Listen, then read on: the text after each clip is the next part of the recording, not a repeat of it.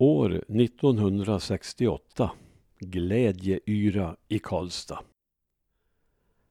Nya Värmlandstidningen den 17 februari 2018. Karlstad för 50 år sedan. Jag råkade vara Karlstadsbo läsåret 1967-68.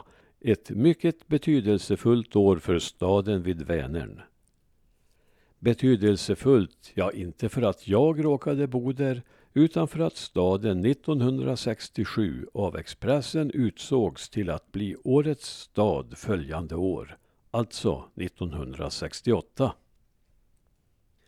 I samband med utnämnandet var det också premiär för Sven-Ingvars-filmen Under ditt parasoll.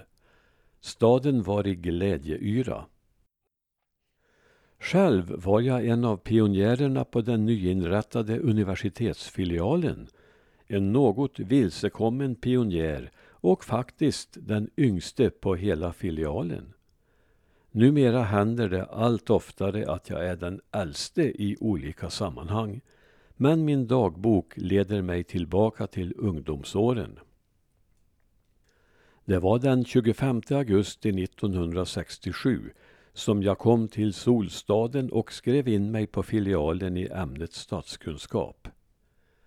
Efter en vecka kom jag på att jag egentligen inte var särskilt intresserad av detta ämne och lyckades byta till nordiska språk. Det var något jag inte ångrade. Det var en härligt avspänd blandning av ungdomar och lite äldre studerande. Många var lärare som ville fortbilda sig.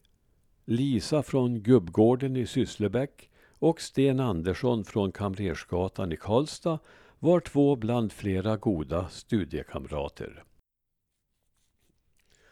De flesta föreläsningarna hölls på Klaraborg i änden av Drottninggatan medan tentorna kunde förläggas till Tempelriddaren eller Hyttan, Folkets hus. Mycket var lite provisoriskt, men vad gjorde det en yngling som inte hade en aning om hur det akademiska livet skulle fungera? Goda lärare var Börje Tjäder som höll i det mesta i svenskämnet samt lektorerna Haslund i norska och Kjär i danska. Min dagbok erinrar mig om att det så småningom blev ett och annat besök i källaren Munken där stämningen kunde bli ganska hög. Det visade sig snart att inte all tid gick åt till studier så jag knallade upp till Sten O Karlvik på annonstidningen Karlstads Nytt och erbjöd mina tjänster som tidningstecknare, vilket han nappade på. Första uppdraget var att rita av statyn med Karl den nionde som han skulle ha som logga till sin stående krönika. Sedan fick jag en ruta i varje nummer där jag skulle teckna små bilder till hans kommentarer om livet i Karlstad. En annan uppgift han erbjöd mig var att bevaka universitetsfilialen så det blev ett och annat reportage därifrån. Genom detta uppdrag blev jag själv tvungen att sätta mig in i den akademiska världens mysterier och lärde mig att jag med dessa kunskaper måste ligga steget före läsaren. Årets stadsfirandet inleddes med stor fest den 13 januari 1968. Rapporteringen därifrån tog redaktör Karlvik själv hand om men roligt var det att få vara med på pressvisningen av Sven-Ingvars-filmen Under ditt parasoll.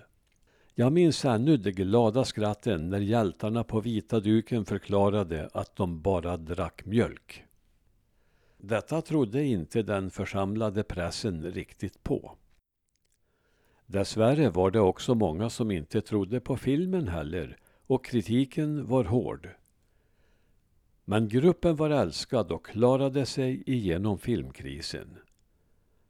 Som en hyllning till Karlstad som årets stad spelade Sven-Ingvars in två specialskrivna sånger signerade Rune Wallebom och Ingvar Hellberg.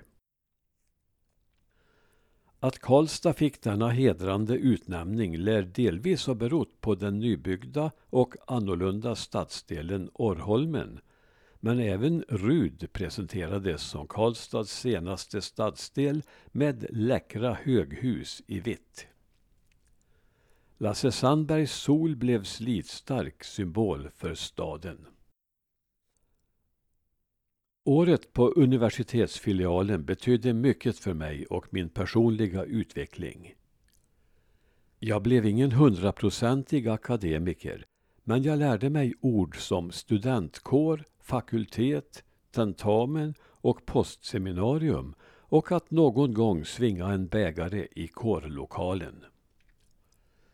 Jag fick en god inblick i det svenska språket men även i norska och danska och grundlade ett intresse för stilistik, fonetik, språkvård och dialekter. Ett intresse som följt mig genom livet. Till och med svensk grammatik har jag till mångas förvåning sett som ett av livets glädjeämnen.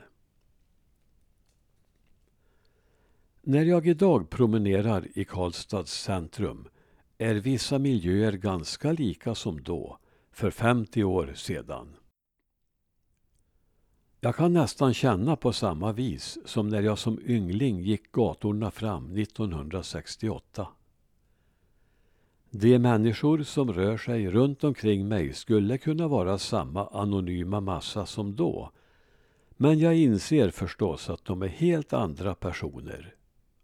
Bara jag är densamme, fast 50 år äldre.